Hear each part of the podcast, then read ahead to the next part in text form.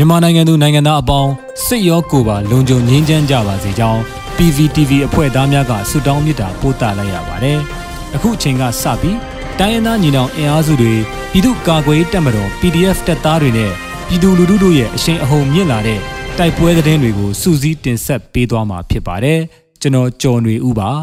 ။ပထမဆုံးအနေနဲ့လွိုက်ကော်ရှိအထွေထွေအုပ်ချုပ်ရေးစုပေါင်းရုံးကို ကာကွယ်ရေးမဟာမိတ်အဖွဲ့များဝင်ပစ်စစ်သား15ဦးခန့်တေဆုံးနိုင်တယ်ဆိုတဲ့သတင်းပါ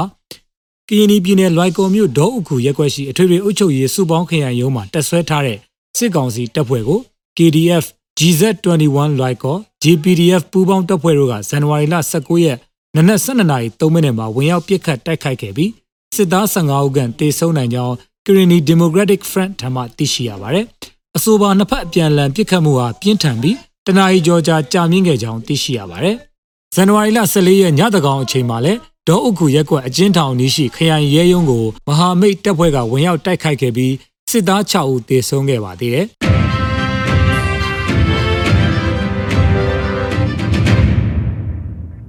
ဆက်လက်တင်ဆက်ပေးမှာကတော့ချင်းပြည်နယ်ဇိုတုံနယ်မှာဆယ်ရက်အတွင်းတိုက်ပွဲများမှာစစ်ကောင်စီတပ်မှ18ဦးသေဆုံး CDF ဇိုတုံမှ2ဦးကြဆုံး2ဦးဒဏ်ရာရတဲ့တဲ့တင်မှာ ချင်းပြည်နယ်မတူပီမြို့မှထွက်ခွာလာတဲ့အင်အားတရာခန့်ရှိအကြမ်းဖက်စစ်ကောင်စီတပ်နဲ့ကာကွယ်မဟာမိတ်တပ်ဖွဲ့များကြားဇန်နဝါရီလ9ရက်နေ့မှ18ရက်နေ့ထိတိုက်ပွဲ17ကြိမ်ဖြစ်ပွားပြီးစစ်ကောင်စီတပ်သား18ဦးသေဆုံးက CDF ဇိုတုံမှ2ဦးကြဆုံးပြီး2ဦးဒဏ်ရာရသွားကြောင်းသိရှိရပါတယ်။ဇိုတုံနယ်တွင်းသို့ကျူးကျော်ဝင်ရောက်လာတဲ့စစ်ကောင်စီတပ်ဖွဲ့များဟာအများပြည်သူနေအိမ်များနဲ့ဆိုင်ကယ်များကိုဖျက်ဆီးကြောင်းရင်းစစ်ကောင်စီတပ်နဲ့ CDF ဇိုတုံ CNA CNA YDF PDF ယော CDF ဟာခါ CDF ဇိုဖီ CDF မတူပီ CDF လောတူ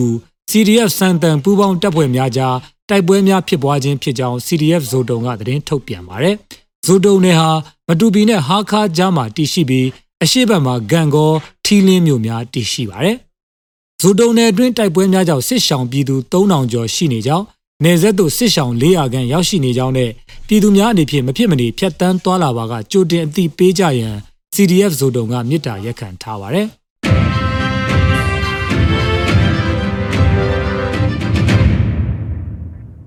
KNU ထိန်းချုပ်တပ်မဟာ9ခုမှာ15ရက်တွင်တိုက်ပွဲ182ကြိမ်ဖြစ်ပွားပြီးစစ်ကောင်စီတပ်ဖွဲ့ဝင်159ဦးသေဆုံးပြီး KNL ဘက်မှ73ဦးကြာဆုံးတဲ့သတင်းကိုဆက်လက်တင်ဆက်ပါမယ်။ ကရင်မျိုးသားစီယုံ KNU ကောတူလေအုပ်ချုပ်နေမြေမှာနေမြေကျူးကျော်လာတဲ့အကြမ်းဖက်စစ်ကောင်စီတပ်နဲ့ KNL KNDO တပ်ဖွဲ့များကြား2022ခုနှစ်ဇန်နဝါရီလ1ရက်နေ့မှ15ရက်နေ့အတွင်းတိုက်ပွဲ182ကြိမ်ဖြစ်ပွားခဲ့ပြီးစစ်သား159ဦးသေဆုံးက102ဦးဒဏ်ရာရကြောင်း KNL ဘက်မှ73ဦးကြာဆုံးက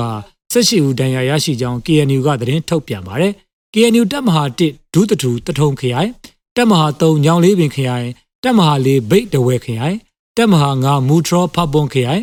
တပ်မဟာ6ဒုပလာယာခရိုင်များတွင်စစ်ကောင်စီကအများပြည်သူလုပ်ငန်းခွင်များနဲ့ကြေးရွာများအတွင်းသို့လက်နက်ကြီးများဖြင့်အကြိမ်ရေ200ကျော်ခန့်ပစ်ခတ်ခဲ့ကြောင်းသိရှိရပါတယ်။တပ်မဟာ9မူဒရော့ခရိုင်ဒွယ်လုံးမြို့နယ်နဲ့ဒုပလာယာခရိုင်ကော့ဂရိတ်မြို့နယ်တို့မှာစစ်ကောင်စီကလေကြောင်းတိုက်ခိုက်မှု9ကြိမ်ပြုလုပ်ခဲ့ပြီးအပြစ်မဲ့ပြည်သူ9ဦးသေဆုံးက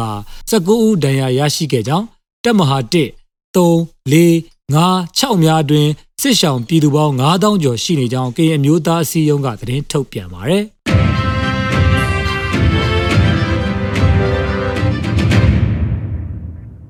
နောက်ဆုံးအနေနဲ့အမျိုးသားညီညွတ်ရေးအစိုးရပြည်ထောင်ရေးနဲ့လူဝင်မှုကြီးကြပ်ရေးဝန်ကြီးဌာနက2022ခုနှစ်ဇန်နဝါရီလ19ရက်ရက်စွဲနဲ့ထုတ်ပြန်တဲ့ပြည်သူခုခံတော်လှန်စစ်တရင်အချက်လက်တွေကိုတင်ဆက်ပေးသွားမှာပါ။အာနာသိန်းအကြမ်းဖက်ဆေးအုပ်စုရဲ့ပြည်သူလူထုအပေါ်အကြမ်းဖက်ဖိနှိပ်ဖမ်းဆီး တိုက်ခိုက်တပ်ဖြတ်နေမှုများကိုပြည်သူလူထုတရက်လုံးက